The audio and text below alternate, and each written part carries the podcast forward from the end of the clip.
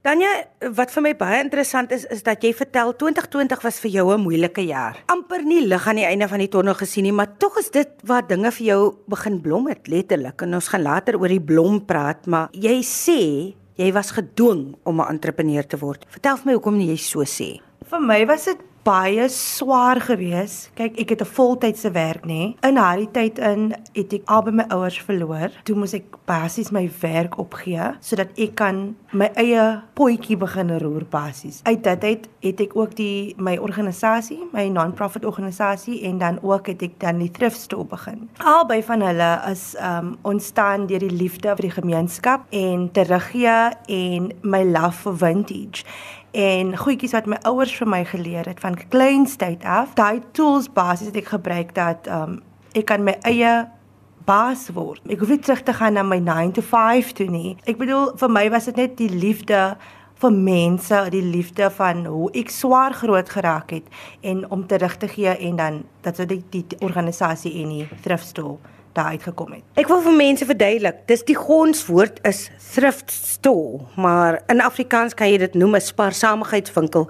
Verduidelik vir mense wat 'n thrift store is. So, myne se naam is um Lotus Street Boutique. Dis basies klere, tweedehandse klere, basies of is tweedehandse meubels of as enigiets wat tweedehands is, is iets wat wat daar nog liefde in is, wat jy kan verkoop of koop by 'n winkel of 'n vloeie mark wat baie mense doen. Soos wat die mense daarna verwys, pre-loved items. So joune is aanlyn? Myne is aanlyn en dan het ek ook uh, my gemeenskap pop-ups waar ek in Elsie rivier waar die gemeenskap kan kom en hulle kan kom koop. Is alles is onder R50 en ek bedoel daar het mense al goed gekry wat tags op het wat iets soos R2000 is en dan verstaan hulle nie hulle hulle kry dit vir R20, maar as om te wys dat ons wil terug hier in die gemeenskap en en enige persoon kan 'n mooi kledingstuk kan hulle ook kry by 'n tweedehandse winkel. Wat vir my interessant was is jy het voorheen vir my vertel toe ek met jou gesels het, toe sê jy vir my jy doen hierdie pop-up stores soos hulle dit noem, winkels wat oral ontstaan en wat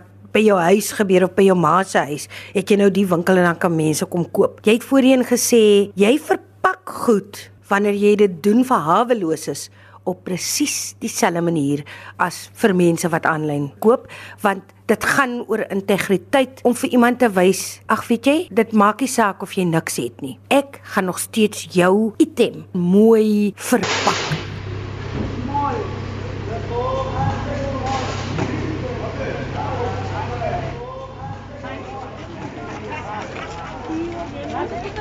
As ons na nagskuilings toe gaan, dan gee ons vir daardie mense wat daar is dieselfde ondervinding waar jy in miskien 'n normale winkel sentrum sal instap waar jy iets gaan koop. Dit word verpak vir jou in 'n sakkie. Jy het 'n dametjie wat jou help wat vir jou wys kyk dit pas by daai en dit en so in. En ons gee daai selfde ervaring vir mense by nagskuilings net soos die wat in 'n winkelsentrum sal stap Rede van dit is ons wil hê mense moet voel net omdat jy daar is vandag beteken nie dat jy gaan môre daar wees nie.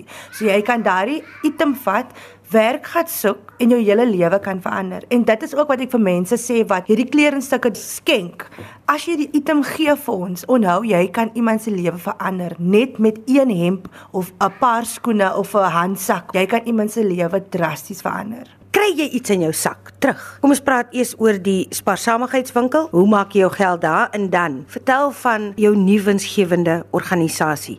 Hoeveel mense is al gehelp? As ons praat van die, die uh, thrift store, sover kan ek vir jou sê baie mense het gedink dit is klein speel klein skool soos hulle altyd sê. Maar ehm um, die mate van goed wat ek verkoop op 'n daglike basis is wonderlik want ek bedoel soos ek kan ietsie verkoop is miskien R10 maar ek sal 10 van daai 10 rande iteme verkoop. Uit daai uit is 'n 50% gaan na die uh, organisasie toe en 50% vir my en uit daai 50% uit kyk ek na die verpakkings, ek kyk na wanneer ons op ons pop-ups doen. So daar's 'n goeie stukkie wat uitkom is vir my, maar soos ek sê die mees belangrikste is om terug te sit in die gemeenskap in. Mm. En vir my doen ek dit net met liefde. Sover het dit baie goed vir my gedoen. Met die organisasie kan ek vir jou sê sover het ons meer as uh, 30000 lewens aangeraak en verander en ek bedoel ons het soos net in 2020 het ons iets so 650000 rand ingesamel. So, ehm um, hierdie jaar is ons ook weer besig. Ons is nou op 450000. Sover het ons 1800 pakkies vir net 2021 al uitgedeel. Hoe doen jy dit, Tanya? Ek weet dit is 'n eenvoudige vraag, maar hoe doen jy dit? Jy's 'n jong meisie, jy's 29 jaar oud. Hoe bly jy so gemotiveerd en positief ten spyte van wat in jou lewe met jou gebeur het? Dat jy dit wat sleg was, omskep dit in iets positiefs. Hoe doen jy dit? Vir my is dit dat ehm um, alles wat met my gebeur het, is eintlik wat vir my motiveer elke dag om 'n uh, verandering te bring, veral soos ek sê in my gemeenskap in. So vir my om op te staan elke dag en pakkies te verpak en teer die klere te gaan wat donasies was en klere te gaan optel waar mense uh, dit vir my skenk en dit en daai. Vir my is dit ek word gemotiveer deur dit self wat met my gebeur het. So daai is hoekom ek dit doen elke dag en hoe ek dit kan doen elke dag want as ek gaan ophou, as ek gaan stil sit en ek gaan stop, gaan daar mense wees daar buite wat daai help nodig gekry hulle het vir my nodig en dis wat vir my ek vir myself elke dag sê mense het vir my nodig. Jy sê jy noem dit Lotus Street Boutique, Lotus Street Foundation. Hoekom Lotus? Ag, die Lotus blom vir my is die beste. Rede van dit kan enige plek groei. Dit kan groei waar daar vuil water is, dit kan groei waar daar skoon water is en vir my is daai wie ek is. Kyk waar ek vandaan kom, ek is van Elsies rivier, kom in 'n gemeenskap waar bendes geweld en almal daai goed elke dag gebeur. So vir my die lotus blom beteken dat ek kan mense se lewe aanraak met daai blom en hulle kan sien dat môre kan ek van vuil waters kom en dan as ek skoon gewas en ek kan groei en ek kan blom en so tas ek meer mense aan en meer mense sal sien hoe blom ek so. Dit is ook hoekom ek dit Lotus Street Foundation en Lotus Street Boutique noem. Jy blom oral waar jy kom. Somebody please notice. Das baie wat ek vandag het. Dit is nog een van die bevoorregtes vandag 'n natie so met kinders op die tafel is. Hoe wil jy hê jou pad moet loop? Wat sien jy in jou toekoms? En jy kan maar groot droom. Wat is jou drome?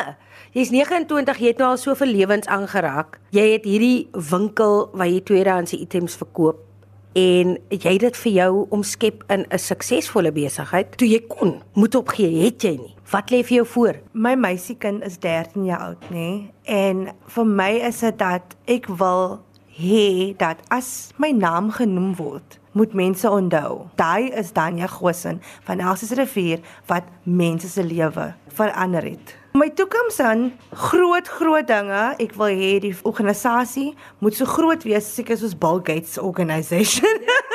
die Bill Gates Foundation, selfs soos die Nelson Mandela Foundation. Yeah. Ja. Ek wil hê dit moet op dieselfde mate wees dat mense kan raak tot binne in Sudan, tot binne in in Amerika, tot binne in Egipte, waarever dit is dit moet so ver kan gaan waar dit meer en meer en meer mense kan raak.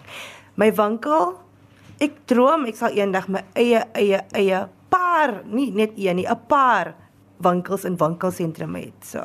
Mense kan gaan op my social media platforms. Hulle kan gaan by Lotus Street boutique baie simpel op Instagram en op Facebook. Hulle kan gaan Lotus Street Foundation. Um, hulle kan oopgaan op my persoonlike blad, Stanya Gosen of Sipping Tea with Tea en dan sal hulle my daar kry. Hulle kan ook vir my e-mail op uh, tanyagosen@gmail.com en ja. Het jy dalk 'n lewensles of 'n lewenslese? So my lewenslesse is dat um if you want to see change, you have to be the change. Daai is waar jy begin Dis waar jy begin. Jy kan nie net verwag dat die wêreld sal verander nie. Jy moet daai verandering bring. Dit begin by jou. Some